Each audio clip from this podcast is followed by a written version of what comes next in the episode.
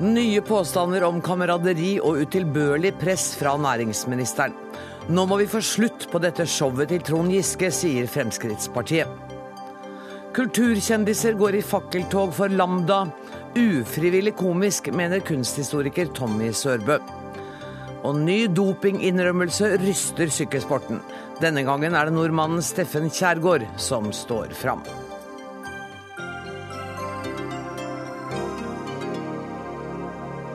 I denne sendinga skal vi også høre at Kjetil Rekdal har lyst på jobben som Norges neste landslagssjef. Det forteller han i sin biografi som kom i dag. Men først.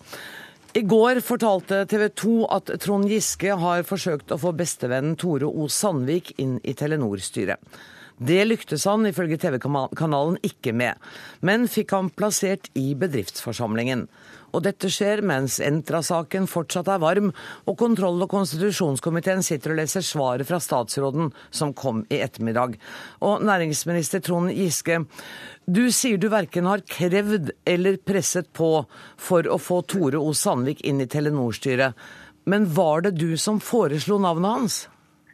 Ja, Det kan godt hende. Det kommenterer vi aldri. Vi foreslår eh, å vurdere flere hundre navn vi hver eneste vår i forbindelse med valgene til styrer i selskapene våre.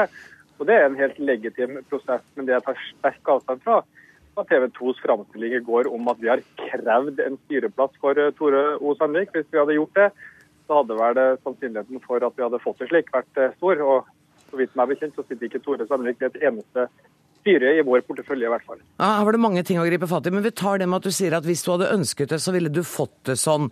Eh, fordi at eh, staten forvalter 54% av eierskapet i Telenor. På hvilken konkret måte ville du fått uh, brukt aksjeflertallet til å sette inn et styremedlem de andre aksjonærene ikke ville ha?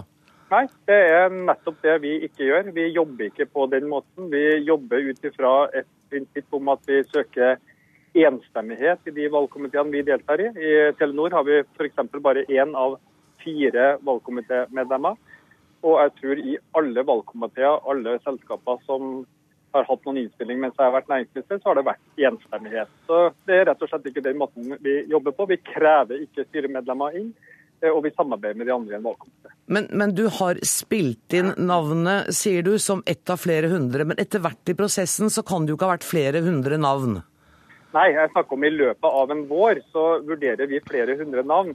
Eh, vi kommenterer aldri hvilke navn som blir vurdert. Det er helt avgjørende at eh, valgkomiteen kan jobbe i fortrolighet. Eh, vurdere på fritt grunnlag mange navn. Mange, de fleste blir jo aldri da foreslått til styret, så det er også en trygghet for kandidatene som blir vurdert, at ikke dette er offentlig.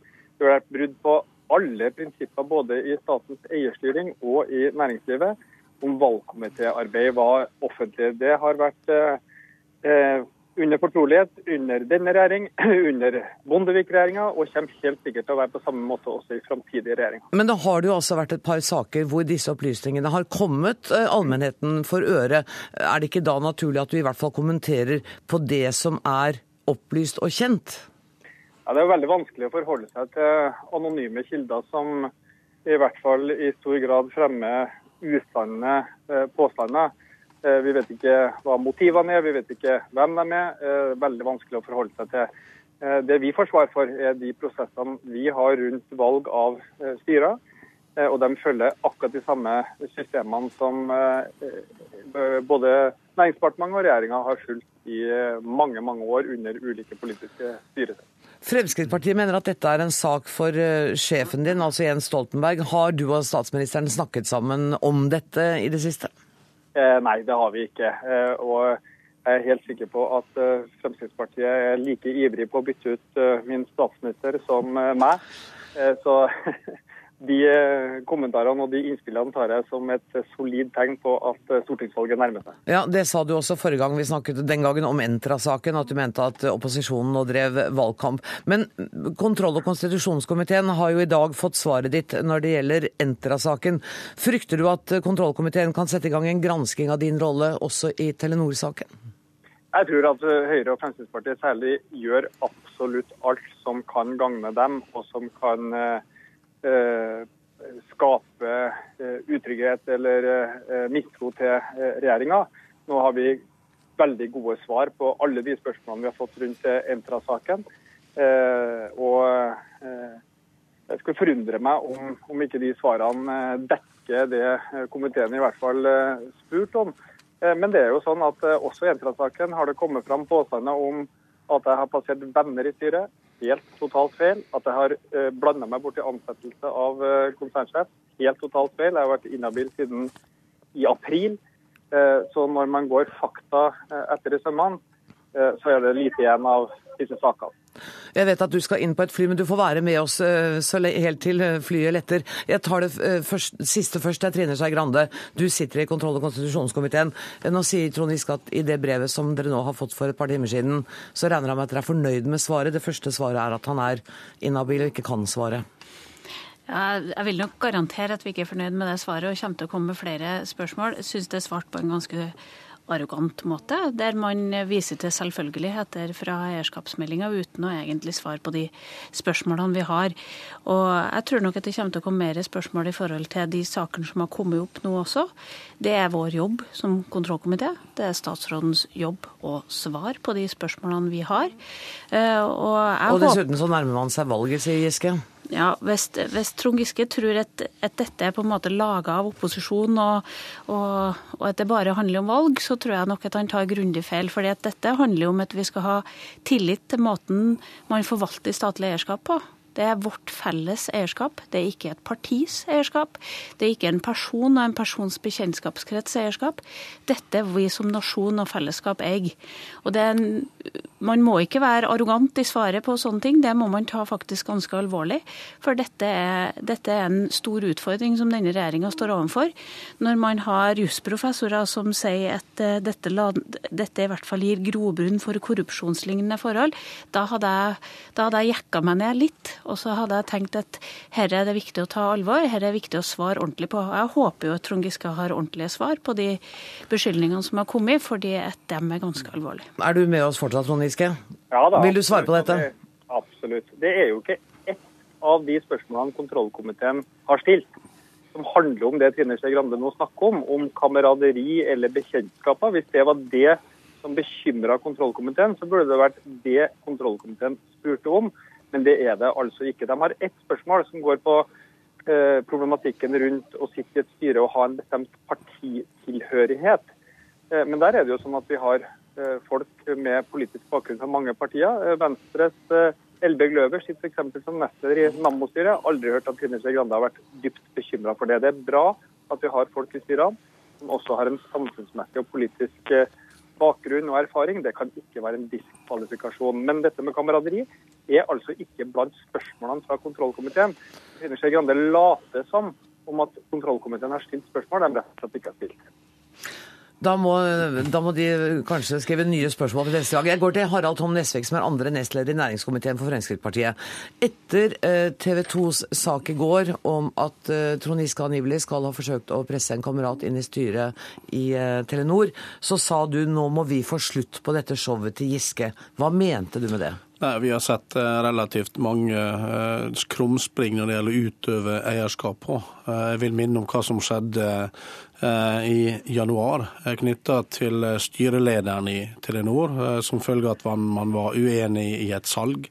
Så fikk vi Entra-saken. Jeg tror nok ikke siste spørsmål er stilt i Entra-saken. og Jeg vil sterkt oppfordre kontrollkomiteen til å utvide også sitt grunnlag for spørsmål, til ikke lenger bare å dreie seg om Entra. For jeg tror at her ligger det mer, og det ser vi nå i denne saken. Og det er klart at Jeg vil oppfordre Trond Giske, og nå i det siste som kommer, så har jeg to spørsmål til Trond Giske. Én, kan vi nå risikere at det kommer flere av denne type saker, eh, der Trond Giske eller departementet har spilt inn eh, utover det som er vanlig i forbindelse med valgkomiteer. Og mitt eh, andre spørsmål til Trond Giske er at vil statsråden nå bruke den muligheten han faktisk har her, nettopp til å si at ja, jeg spilte inn navnet til Tore O. Sandvik, som tilfeldigvis da er hans gode venn Tore O. Sandvik. Men det svarte statsråden på i det første spørsmålet. Han sa det kan jeg ha gjort i den første runden. Han sa det kan jeg ha gjort. Det er det nok en gang sånn tåkelegging. Derfor stiller spørsmålet konkret til Trond Giske. Spilte han inn navnet Tore O. Sandvik, som da valgkomiteen bl.a. sier det ikke var kompetent til å inneha den jobben? Giske, du må få svare på de to spørsmålene. Jeg kan gjenta svaret. at Det kan godt til at vi har spilt inn det, men hva så, er jo spørsmålet. Fordi at en valgkomité vurderer mange, eller valgkomiteen i løpet av våren vurderer mange hundre navn eh, til forskjellige styrer.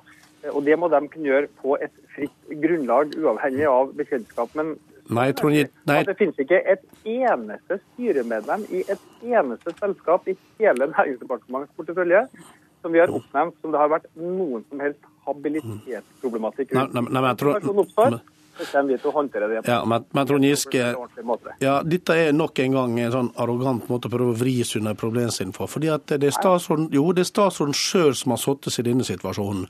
Fordi at man uten altså han, Måten han har handla på, gjør at offentligheten bør få vite hvilke navn statsråden har spilt inn i denne saken. her. Vi spør ikke om hva arbeid som er gjort i valgkomiteen, men statsråden har sjøl gjennom å foreslå sin venn, eh, så han har stilt seg åpen for at dette må offentligheten få vite, om det er den måten eierskapet i Norge skal utøves på. Nå skal vi bare samle mer eh, krutt her, sånn da gir ordet til Trine Skei Grande før du får det igjen, Trond Giske. Nei, proble Problemet her er jo at, at dette er jo ikke den første saken som vi ser fra denne regjeringa. Det har vært en rekke sånne saker knytta til habilitet, knytta til venner. Og det er noe med at eh, i en flertallsregjering så ser vi at makta nærmest korrumperer, og man tror at dette er, dette er ens eget, det man sitter og styrer, men det er faktisk fellesskapets ressurser. Da må fellesskapet kunne ha innsyn, da må fellesskapet kunne være trygg på at man ikke har vært uryddig i forhold til dette her. Og så må hvis- kontrollkomiteen stille spørsmål som gjelder saken, og ikke helt andre spørsmål som Giske tydeligvis syns dere har ja, gjort her. Nå, nå sitter jeg her med spørsmålene foran meg, og det å si at det ikke angikk den saken, og at det tydeligvis ikke hadde bekymra kontrollkomiteen, de stilte disse spørsmålene, ansettelse av administrerende direktør og utnevnelse av styremedlemmer, det er ganske kreativ bokføring. Og det må vi få slutt på, den kreative bokføringa når det gjelder argumentet her. Men hva er prosedyren videre da, Skei Grande? Er det sånn at nå, kan, hvis dere ikke er fornøyd med de spørsmålene, så, så kan vi stille mer. Og jeg tror nok at vi gjør sånn som Harald Tom sier her, at vi også kommer til å utvide til å gjelde de nye sakene som har kommet opp. Og det har jo kommet flere i løpet av dagen også. Eh, Så det må vi få klarhet i. Og jeg håper Trond Giske har gode svar som gjør at vi kan ha tillit til den, de prosessene som pågår, og at det ikke ser ut som at man driver viktig statlig eierskap på sin egen måte. Ja, det er viktig at man har tillit til disse utnevnelsene. Ja, Trond Giske, nå kan du få svare. Jeg har lyst til å stille Trine Skei Grande rett og slett et spørsmål. Kan du nevne ett medlem i ett styre av de over 100 styremedlemmene vi har, som eh, er i min omgangskrets eller kamerat eller bekjent av meg? Du finner ikke ett medlem. Så du får slutt å spre usannheter om kameraderi og samrøre osv. For det er rett og slett usant det du sier. Og jeg skjønner at det er god valgkamp. Jeg skjønner at det er bedre enn å snakke om egen politikk og alternativ til rød-grønn regjering. Men det blir ikke mer sant av det. Eh, Så, så enten får du legge noen fakta på bordet, nye saker som har kommet i dag. I dag har det kommet opp en sak om at Roar Flåten er utnevnt i styret i Kongsberg. Det ble en eh, for et halvt år siden. Det har vært offentlig kjent i lang tid. Eh, Og jeg er stolt over at vi har så gode styremedlemmer som. Roar Flåten i, i, Ja, men- selskaper. Ja, men Det må jeg få lov å stille deg spørsmål om. Vet du, vi eh, har ikke så mye tid til spørsmål og svar her nå. Jo, men saken er at Den saken er også tatt utover det som er normal opprettelse av styremedlem. Så nok en gang viser faktisk eh, Trond Giske at han har sine egne måter å gjøre det på. eh, Og den Giske-klubben der må vi nødt til å få slutt på.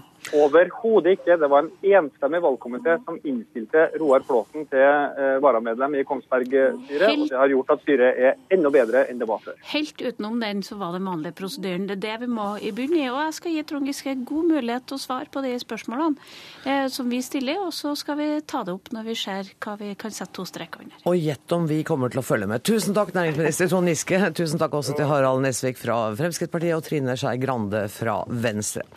Inn i studio kommer politisk kommentator her i NRK, eh, Magnus Takam. Hvordan vurderer du denne saken?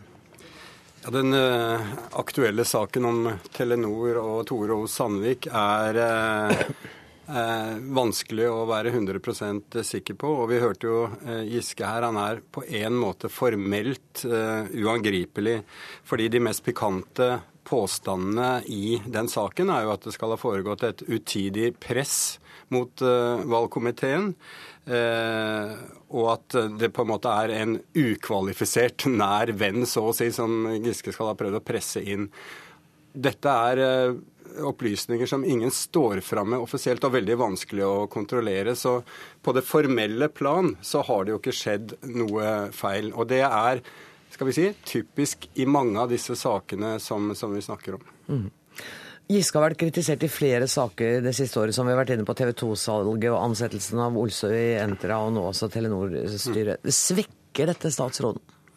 Ja, det er ikke gode saker, dette er verken for han eller for regjeringen og Arbeiderpartiet. Og i TV 2-saken, som ble jo en voldsom konfrontasjon, der måtte jo også Giske selv komme med selvkritikk. Jeg tror at Entra-saken nok er den som kanskje er mest eh, alvorlig av disse siste sakene, og den er ikke avsluttet eh, ennå.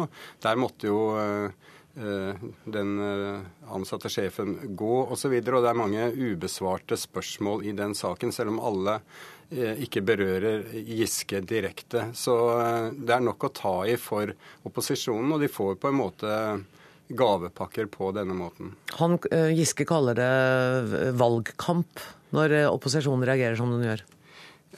Ja, Det er jo et element av valgkamp. og det er, Men det må jo være substans i de sakene som blir tatt opp. Og det er det i hvert fall delvis i disse sakene, selv om denne siste som sagt er vanskelig å, å gripe helt konkret siden det er anonymt. Og det er også sånn at man må jo huske på at Giske har eh, motstandere. Det var eh, turbulent i forhold til Telenor-saken, så det er også mange som er skal vi si, farget av et konfliktfylt forhold til Giske, og som opererer i dette farvannet.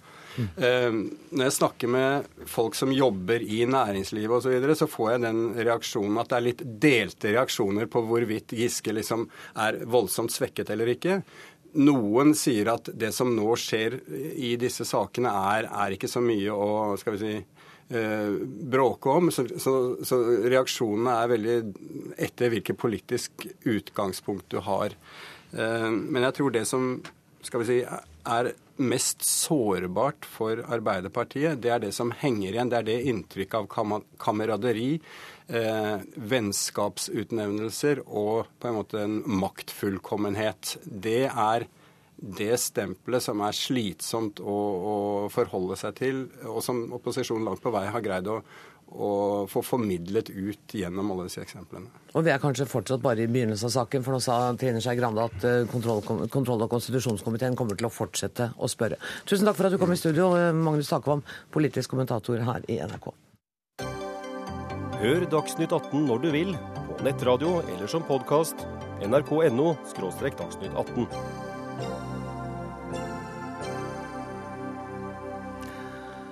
Nå litt over klokka 18 startet fakkeltoget for byggingen av Munch-museet Lambda. En rekke kjente kulturpersonligheter står bak initiativet, som har fått navnet Skrik for skrik.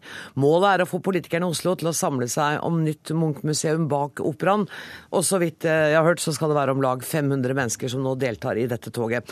Tommy Sørbø, du er kunsthistoriker. Du hadde ingen planer om å gå i tog i kveld. Hvorfor ikke det? Nei, det, jeg burde jo kanskje ha gjort det, for jeg syns også Munch fortjener et uh, nytt museum.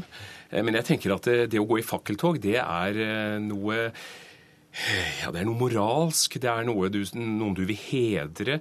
Det er noen som har gjort noe stort for verdensfreden. Det er ofte noe sånn når noe trist har skjedd, når man vil samle seg om noe. Mens, eh, Eller noe som du vil protestere kraftig mot? Noe du vil protestere kraftig mot. Mens jeg oppfatter jo dette bygget som en fullstendig konvensjonelt glasskasse som det gror opp hundre av hver eneste dag på denne planeten, sett som helhet. Og da vil man altså samle seg om en konvensjon med, med en fakkel i hånden. Og det syns jeg er litt merkelig. Erling Fossen, du er skribent og urbanist, og du er ikke i studio, for du går nemlig i ditt første fakkeltog. Hvorfor ble det tog for Lambda som ble ditt aller første demonstrasjonstog? Eh, ja, det kan du spørre om. Eh, det, det, viktigste her er eh, at Lambda er jo blitt sånn urettmessig et eh, mobbeoffer som, som Tommy Sørbe og alle andre kan bare slenge hvilken som helst drit om, men det er da resultatet av en internasjonal eh, arkitektkonkurranse. Meget kompetent jury. Det lager et byrom der nede som er veldig bra. Men det som vi først og fremst eh, går her for nå, er jo for å si at nå gidder vi ikke flere omkamper i denne byen her. Tommy Sørve og jeg er enige om at vi trenger et nytt Munch-museum. Vi har fått en rapport på bordet som sier at eh, Alternativene på Munch, Tullinløkka eller på Tøyen blir da nesten like dyre, mye døvere og vil ta mye lengre tid. Så hva er det vi går og venter på da? Da må vi få ut fingeren. Men du hadde det ikke vært lurere å gå i tog for et år siden, før Lambda ble nedstemt i bystyret i Oslo? Nei, fordi Nei. det man da vedtok å gjøre, var å lage en rapport om alternativene, som da er Tøyen og som er Tullinløkka. Mm. Og begge de to er nå utreda. Vi har fått en rapport, og den viser at det da tar mye lengre tid, opptil ti år lenger, koster like mye, mye, og det blir mye døvere arkitektur. Så hva det er nå som er det riktige tidspunktet, da. For nå er det ikke lenger noen alternativer. Og du syns ikke Lambda er et konvensjonelt glasshus? Ja, men Det blir så teit å si. altså sånn En kunsthistoriker kan egentlig si hva det enn. Fordi det er noen glassflater, så er det konvensjonelt glasshus. Men det vertikale byrommet, som er da lovprist av veldig mange arkitekter, hvor du sa, kan se hele byen fra et vertikalt byrom, det er helt unikt. at Det er en innovasjon som ikke vi har i andre bygg i Oslo. Så for deg er det viktig at det blir Lambda. Er det viktigere enn at man skulle få et Munch-museum f.eks. på Tullinløkka? Eh, nei, men igjen så er det mer respekt for politiske avgjørelser. Vi har et bystyrevedtak og resultatet av en arkitektkonkurranse som valgte Lambda. Da syns jeg ikke mener man skal gå inn og synse og overprøve det og komme med karakteristikker av det bygget. Det blir for dumt. Tommy Sørve. Eh, Ja, eh, uttrykk som at eh, mobbing og eh, så, videre. Altså, eh, jeg argumenterer, jeg er kunsthistoriker og fagperson, og jeg argumenterer da for at dette her er både i detaljer, eksteriør, interiør, så bekrefter det det som er trenden i dag. Eh, Slike, det, det glir helt motstandsløst inn i Oslos nye skyline. Eh, Det, det, det, det gjør det egentlig det motsatte av Munchs kunst. Munch han åpner, Munch sjokkerer, han, han, han, han er sjenerøs. Han får oss til å se verden på en ny måte. Mens det dette bygget gjør, det får oss til å se verden slik den faktisk alltid er. slik Den, altså den, den, den bekrefter. Og Derfor vil jeg kalle det et småborgerlig bygg. Og at det skal romme Edvard Munchs kunst, det er jo helt eh, dramatisk. Du har sett en skisse av bygget. I Tyskland så er det da en arkitekturkritiker. Han skal da én ha samtale med arkitekten. To, han skal egentlig ha en befaring både på tamta. Han skal da få vite før han kan mene noe som helst. Du mener noe ut fra en skisse. Jeg har også vært på debattmøte med deg, hvor du da bare sier at eh, bygget ser ut som en mann med lumbago, og så skal du da høste billig latter, og så stopper det litt der. Hvor- Men Erling Fossen, du, du, du dømmer vel også ut fra en skisse, for det er vel ingen av oss som har sett huset? Jeg har også hatt eh, samtale med arkitekten, fordi jeg også starta å være kritiker. Og så forteller jeg deg hva som er da mine motforestillinger, og så besvarer han det. Og så tenker jeg så, det er greit. Jeg forsøkte også å snakke med arkitekten på det møtet, og jeg spurte han hva er det som er sakralt ved dette bygget. Munch sa når man ser min kunst, så skal man ta av seg hatten som om man kommer inn i en kirke. Man skal føle at det er en unntakssituasjon, at det er noe høytidelig. Dette er ikke et vanlig bankhus, dette er ikke vanlig, vanlig profan verden. Og det har jeg lyst til å spørre Fossen, hva er det som er så høytidelig og annerledes og sakralt ved det bygget? Den japanske nei, spanske arkitekten Herreros, det han la til grunn for utformingen av bygget, er nettopp dette bildet av Munch som står da høytidelig og bøyer seg fram og tar av seg hatten. Nettopp, også Det er en hyllest til eh, bakparten på, eh, eller på operahuset.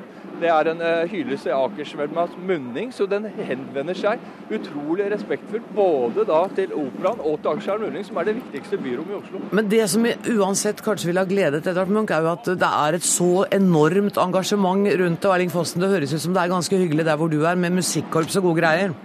Ja, Det er kampen Janitsjar. Er ikke dårlig. Ja, det er deilig. Ja, Tusen takk for at dere var med, Erling Fossen og Tommy Sørbø. Og vi kommer sikkert til å komme tilbake til diskusjonen om plasseringen av Munch-museet.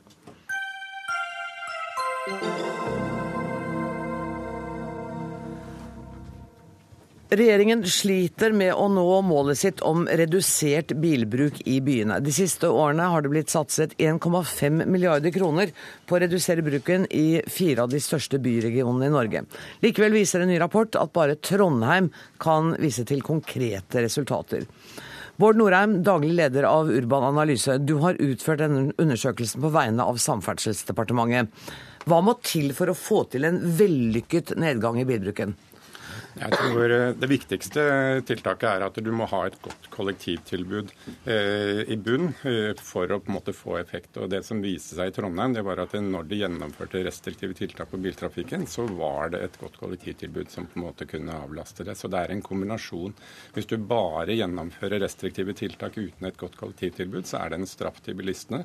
Hvis du bare gjennomfører positive tiltak på kollektivsiden uten restriktive tiltak, så er det et veldig dyrt tiltak som mm. politikerne må betale betale for.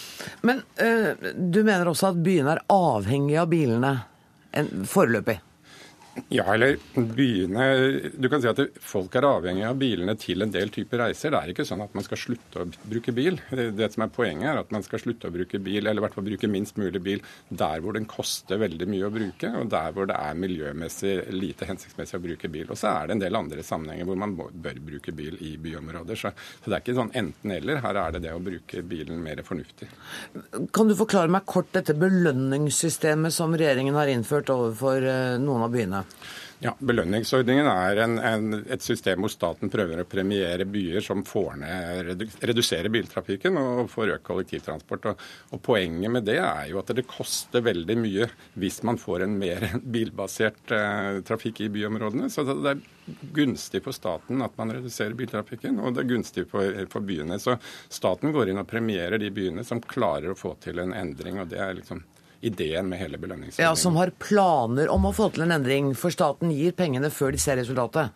Ja, og, og det er på en måte dilemmaet her. At de byene som på en måte har gode planer, men endrer de planene underveis, så har staten problemer med å dra tilbake de pengene. Og, og det er forslaget vårt i den evalueringen. Det er at de rett og slett skal premiere konkrete resultater, og ikke bare planene som de har eh, lagt på forhånd. Ola Elvestuen, byråd for miljø og samferdsel i Oslo, du representerer Venstre. Du etterlyser større statlig støtte til kollektivtiltak. Det ville dere jo fått hvis dere da hadde klart å redusere biltrafikken og så kunne man fått penger fra staten? Ja, Det tviler jeg litt på, for Oslo klarer jo nettopp å redusere biltrafikken. Biltrafikken i Oslo er nå på en 2006-2007-nivå. Og Når du ser på også den støttenivået som nå er, altså du sier at regjeringen har brukt ca. 1,5 milliarder de siste årene på belønningsordningen. Oslo alene bruker 1,5 milliarder hvert år på støtte til kollektivtrafikk. Og For oss er det, og den statlige bidraget i Oslo for i år, det er null selv om vi oppnår de resultatene som man ønsker. Nå klarer Oslo det. Vi har en vekst I fjor hadde vi vekst i kollektivtrafikken på 5% I år så langt har vi vekst på 4,8% Det som er problemet framover, det er jo særlig på investeringssida. Det trengs store investeringer i nye T-banelinjer. Vi starter nå på Lørenbanen i Oslo, men vi trenger til Fornebu.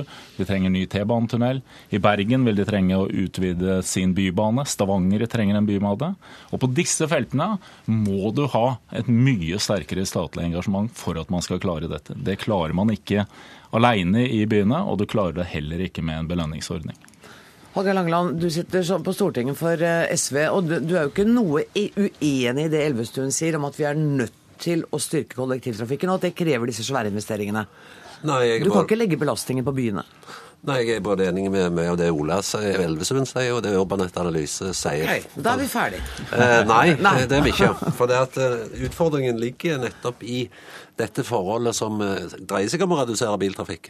Altså for det, det, er en av premissene som klimaforliket, som Venstre og Høyre og andre partier er med SV på, som forutsetter det at for å få penger, så må du legge opp et løp som viser at du innfører restriktive tiltak, f.eks. tar vekk parkeringsplasser, har rushtidsavgift, sånn som NHO har krevd, og sånn som de har gjort i Stockholm med stor suksess og redusert biltrafikken sånn at det blir plass. Når bussen i Oslo kjører i fire kilometer i, i timen, sånn som eh, Aftenposten Aften skriver i dag, så da har vi et stort problem. Mm. Så til løsningen. Den løsningen er Nå diskuterer vi Nasjonal transportplan er ny. Jeg tror eh, at vi må lage noen bypakker for de store byene. Der de belønnes for resultater, sånn som Urbanet eh, Analyse sier. Men der vi òg forventer at det skal bli resultater. For hvis det ikke, Vi kan ikke ha det sånn som i Oslo. Jo, men... Eh, vi kan ikke ha det sånn som vi har i Bergen. I Trondheim har de klart å redusere biltrafikken med 10% fordi de innførte en rushtidsavgift. Ja, men vi Men vi har jo redusert det, og vi har gjort det hele denne regjeringen. Når vi har hatt den rød-grønne regjeringen, så er altså biltrafikken i Oslo redusert, og vi har en, og vi har en økning i, i kollektivreisene. Det har resultert i at vi har hatt gradvis reduksjon av den belønningsordningen. Nå har vi altså ingenting for i år. Og det, er og det virker som dette er politisk også styrt. Det er jo litt sånn underlig å sitte i Oslo. Du har en følelse ofte at vi har på en måte en regjering som er i opposisjon til flertallet i bystyret. Og det dere må ta, dere må ta på alvor det som er ønskene. Vi har felles interesser av å utvide kollektivtilbudet. Da må vi se på hva er behovet i byene. Hos oss er det ikke først og fremst på, på drift. Vi trenger støtte der også, men der må vi gjøre mye, der må vi ta Ja, hovedgrepet selv. Men det er investeringer som er det ting. Ja, store det grepet. Men det, det dere er ikke burde gjøre i Oslo, det er å bygge E18 Vest. og Bruke 23 milliarder på det. Det mener jeg jo tilrettelegge for med biltrafikk, sånn som Oslo SV sier. Vi er enige om Ole, at vi skal forsøke å lage bypakker nå i den nye Nasjonal transportplan, sånn at det blir enda mer kollektivreisende. For Oslo er jo best på kollektivreisende i Ja. landet. Ja. Og det skal Og vi det få de er andre byene òg til å bli. meg, for nå blir det litt for teknisk. Men ville det, ville, ville det ikke vært bedre for deg da, Elvestuen, hvis det var sånn som forskeren foreslår, at dere hadde fått pengene når tiltakene var gjennomført? Da ville jo dere fått penger nå. Det er det vi hele tiden har ønsket, at dette skal være basert på konkrete resultater. Nettopp. Og Og hvorfor belønner- er det ikke det? Nei, fordi at eh, klimaforliket har bestemt noe annet. De har sagt at du skal ha planer for å redusere biltrafikken og øke Men klimaforliket er vel Men- ikke en guddommelig lov? Det er jo folk som har vedtatt det. Det må kunne gjøre noe med det hvis alle syns det er fornuftig. Nei, men det nye klimaforliket og nå behandling av Nasjonal transportplan gir muligheter for å gå inn på det som Urbanet Analyse sier, altså belønne resultatene. Og det er jeg interessert i å være med på, fordi at det, det betyr noe for klimaet. Det betyr noe at vi får folk til å reise mer kollektivt enn det vi gjør i dag. I andre byer enn Oslo òg. Så det, dette, dette skal vi få til. Ja vel, dette var da veldig oppløftende. Da. Jeg tror bare... jeg, jeg, skal, jeg tror jeg skal vente og se. Eh, belønningsordningen er øket, det er positivt. Det er veldig bra med de resultatene man har i Trondheim.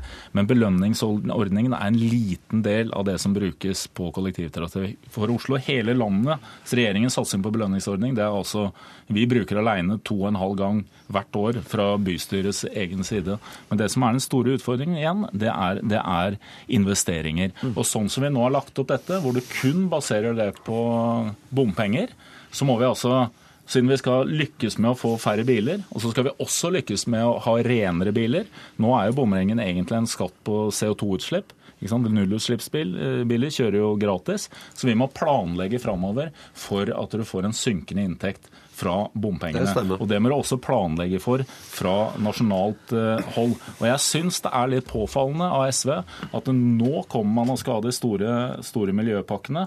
Akkurat når du har, når du har sittet åtte år i regjering, er på vei ut av regjering, og så kommer på en måte de Det vet man jo ikke. Det er jo ikke valg for om lenge. Uh, Bård Nora, nå skal du få ordet. Jeg vil bare si, For begge sider her, så tror jeg, bare for å ta Oslo, så er det ikke tvil om at man trenger investeringer, ikke minst i T-banetunnel. Men, men jeg tror også at eh, man ikke skal skyve under teppet det en utfordring som går på drift i kollektivtransporten. Og I Oslo så trenger de kanskje halvannen milliard ekstra i året i, i drift i kollektivtransporten hvis vi skal lykkes med det klimaforliket. Og det må man få til. Og det var siste ord i denne debatten. Vi kommer til å snakke om dette igjen, så det er ikke grunn til å være bekymret, Hallgeir Langeland. Det kan jeg love deg. Takk til deg, og til, takk til Ola Elvestuen, og takk til Bård Norheim.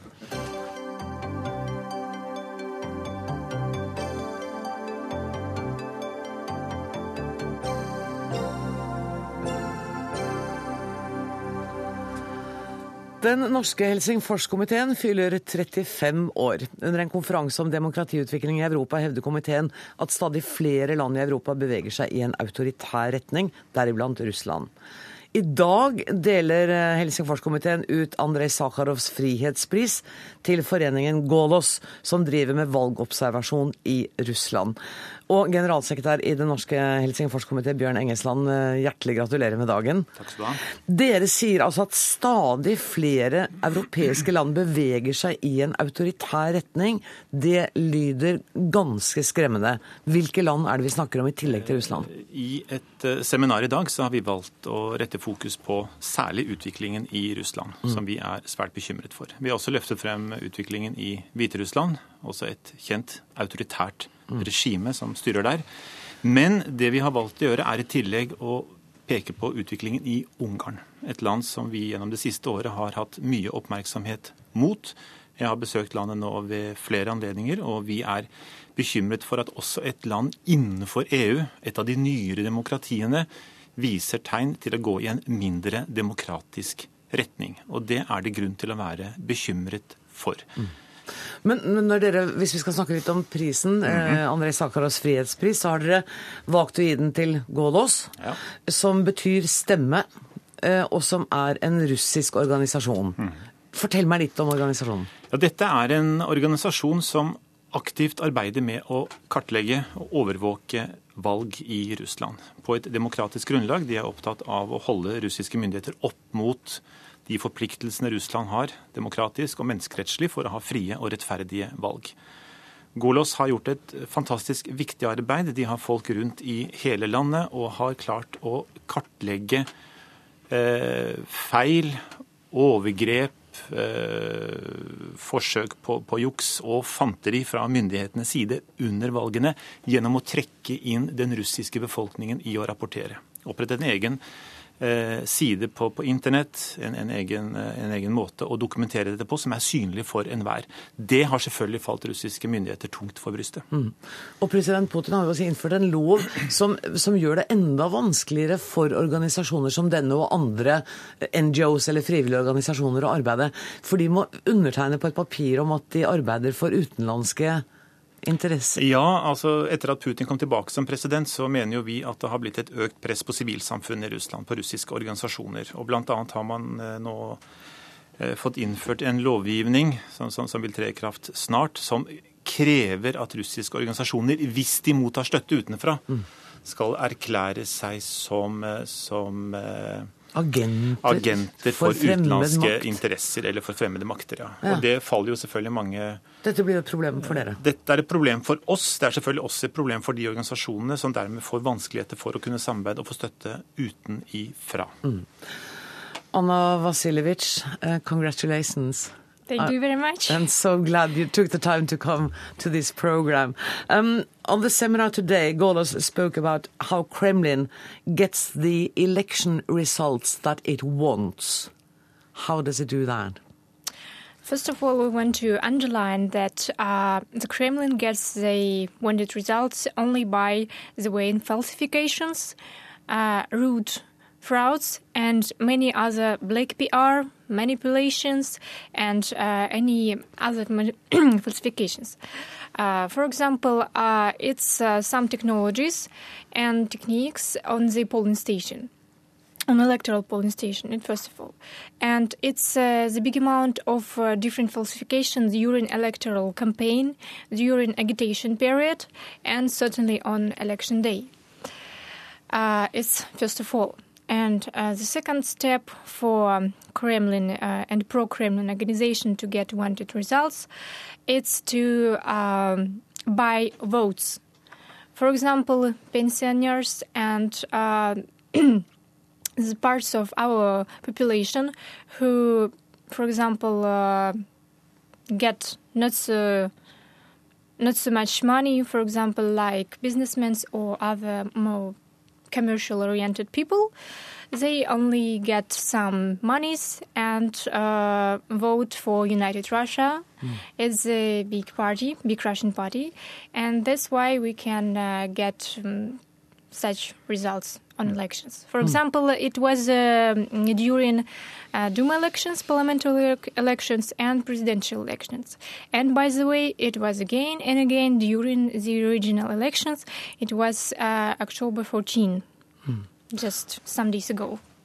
I need to speak a little bit Norwegian with Bjørn. Um, uh, Bjørn Engsland, og det er slik at Det hun kaller forfalskninger og det at man kjøper stemmer, dette her er ikke ryk, løse rykter og sladder, dette er ting de har dokumentert. Ja, og det er noe av det som er viktig ved denne organisasjonen. At de dokumenterer det på en helt tydelig måte. Og de har gjort det gjennom, gjennom bl.a. denne internettjenesten, slik at det er klart for alle og enhver hva som foregår. Folk Og hun kan sier at det var både til valg til Dumaen og til Ja, parlamentet. det, dette, har, dette har nok pågått uh, lenge, men Mm. eh, det nye her er jo at det blir dokumentert, det blir registrert mens valget pågår, og selvfølgelig før og, og etter. Have you experienced any harassment uh, while you've been working with uh, Golos? Uh, first of all, it's uh, administrative pressure. First of all, the second, it's uh, the 21 November. Uh, in Russia, will be adopted new law about foreign agents. Uh, virtually, Golos uh, will be like spy, and uh, we know that we just close our products concerning uh, electoral process and concerning uh, observation in Russia. Uh, but we still continue to work because we have any any uh, other projects concerning uh, deputies, activities, etc. And uh, I want to know that, uh, for example, um, my private uh, emails, my Skype, and Skype of my um, colleagues uh, at office are blocked and don't working. Uh, also, we can say that, for example, uh, before presidential elections, our lender, uh, where we rent office office space, uh, accused I uh, accused uh, us in um, some sabotage, and only say that we just must move out and we seek new office. And frankly speaking, it was horrible time for us because we we don't uh, work uh, in a proper way before presidential elections. It's uh, I think it's the main such Mm. strict measures for uh, against us. At de, at de blir fratatt kontoret, at uh, mailkontoen blir borte, at Skypen stenges. Det, det er jo trakasserier fra regjeringens myndigheter. Denne, det at de får denne prisen, og at de får oppmerksomhet nå fra Norge, kan det, hvordan, på hvilken måte påvirker det deres arbeidssituasjon, vil du tro? Forhåpentligvis vil det bety noe positivt for dem. Vi har jo vært opptatt av dels å gi dem en anerkjennelse, vise solidaritet, men også å bruke denne anledningen til å løfte de frem. Gjøre de mer kjent her hjemme, og, selvfølgelig andre, andre steder i utlandet. Den oppmerksomheten tror vi har den en effekt, så vil den kunne trygge dem noe mer. Russiske myndigheter vil være litt mer forsiktige. Samtidig så, så ble det sagt av lederen i organisasjonen i dag at de er under et sterkere press enn noensinne på hjemmebane. Og arbeidet deres blir viktigere og viktigere for hver eneste dag som går. I must thank you so much for coming. Thank you so much, Anja. Vasiljevic. Eh, tusen takk, Bjørn Engesland. Jeg håper dere skal feire 35-årsdagen og prisen på Som seg hør og bør utover kvelden. Takk for at Takk dere du kom.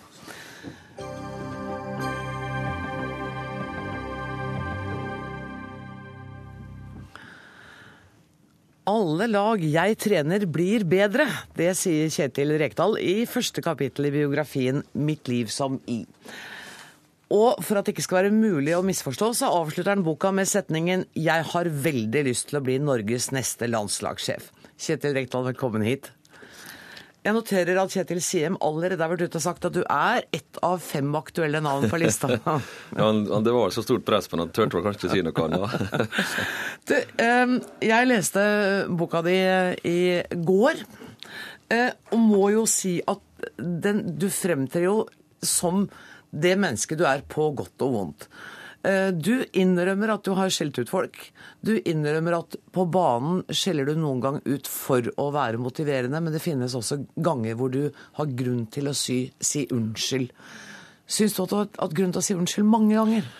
Ja, det, det kunne godt hende jeg skulle gjort det flere ganger òg. Men eh, det er jo eh, Vi har ikke så mange minutter på å gjøre ting på. Vi har 90 minutter i en fotballkamp, og da må du kanskje av og til ty til litt eh, ekstraordinære tiltak for å få, få maksimalt ut av ressursene dine, eller ut av den situasjonen du står oppe i.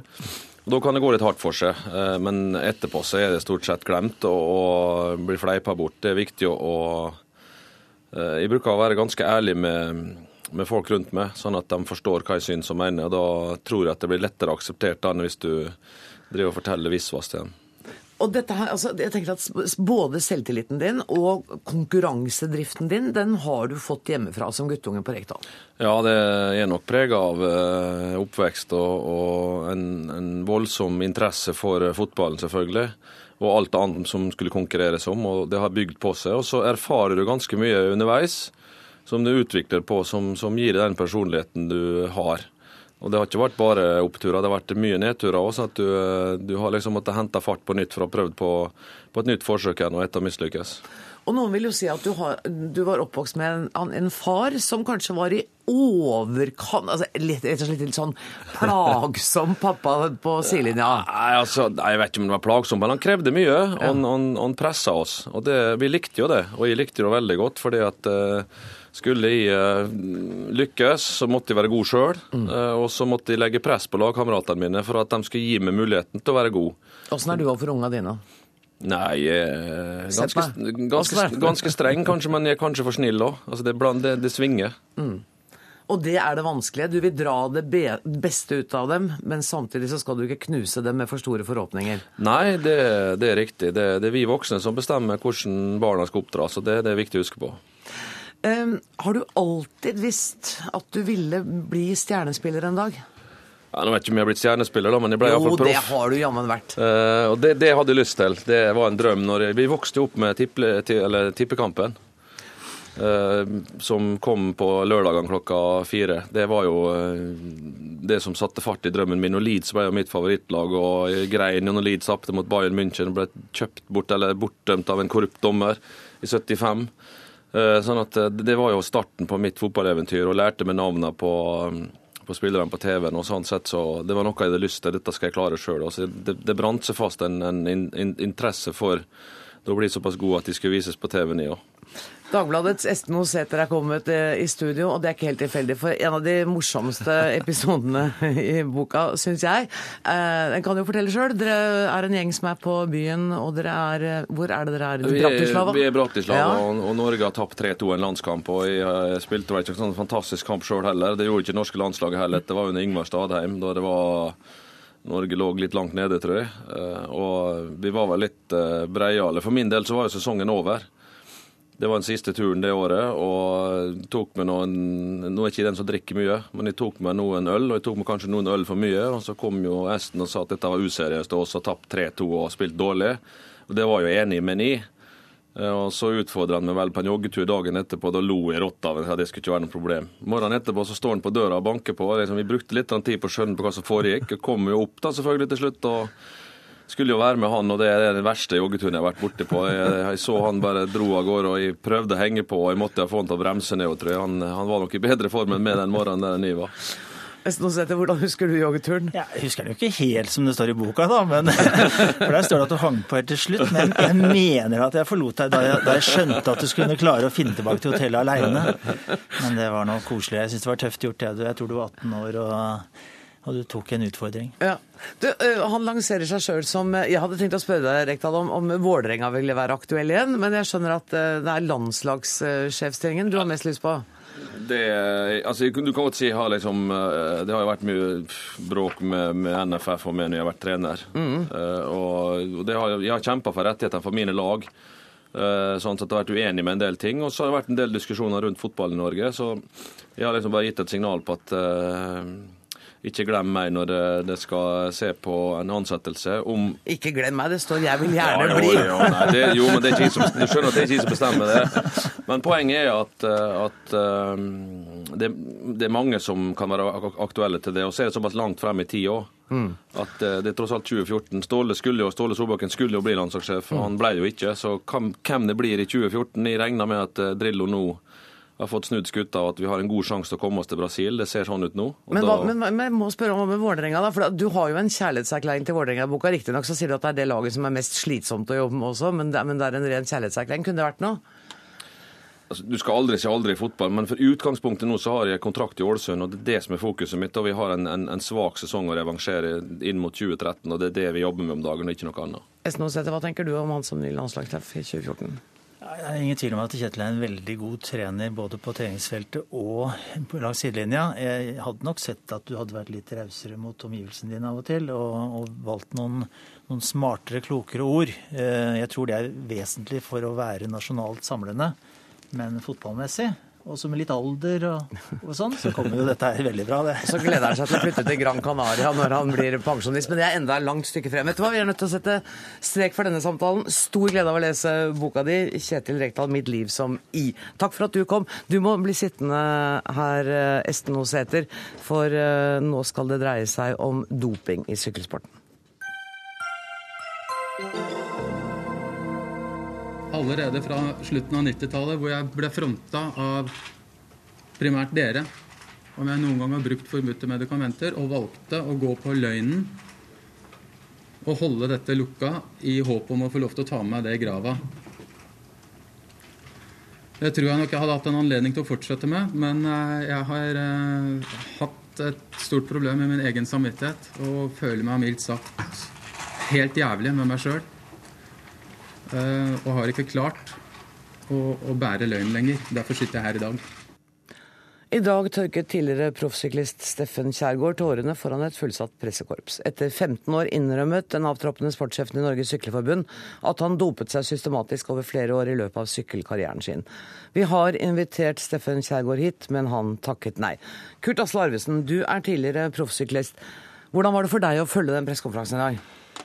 Det var, det var, ganske spesielt. Det var som en film, egentlig. Jeg har kjent Steffen i mange år, og plutselig så satt han der framfor eh, et fullt pressekorps og skulle fortelle alt om sin, sin, eh, sin tid som syklist. Eh, det var, det var, litt overraskende, men samtidig ikke så overraskende. Det, de siste, den siste tida det kom opp ganske mye grums. og mange ting som, som, som, som går den veien at han har nok sittet tjukt i det, og det, det kom fram i dag. Da. Mm.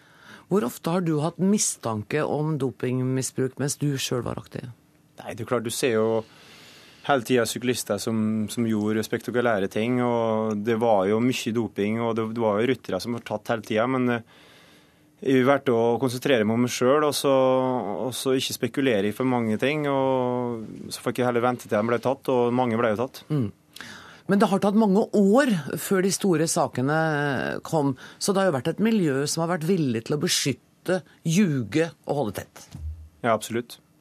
Har du blitt tilbudt doping eller utsatt for press på noen måte for å ta sånne midler? Nei, egentlig ikke press, men jeg overhørte en samtale et av de første åra i, i, Italia der, der, det var snakk om doping. Det var, eller det var snakk om ting de kunne forbedre seg på, og det var ikke snakk om kosthold og trening.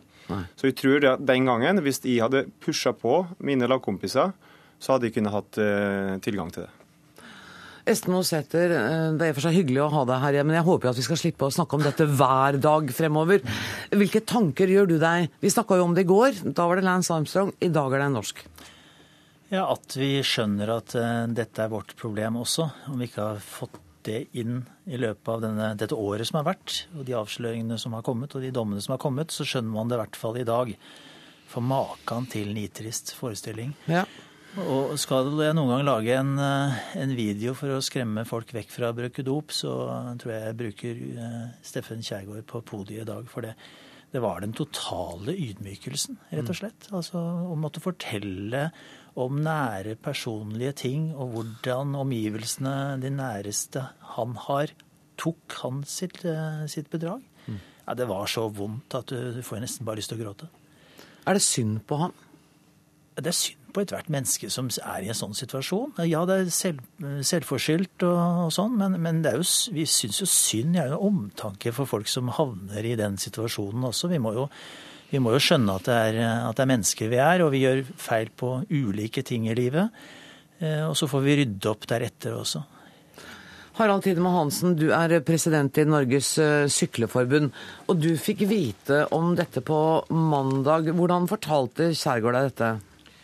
Nei, Han eh, ringte telefon i går kveld og var på en måte veldig jeg hørte jo på stemmen hans at han var ganske sorgtung og, og hadde problemer med å snakke, og ønsket å eh, meddele at han eh, hadde en svart side i livet sitt som han ønsket å, å, fortelle alt om. Hadde du ingen anelse om dette på forhånd?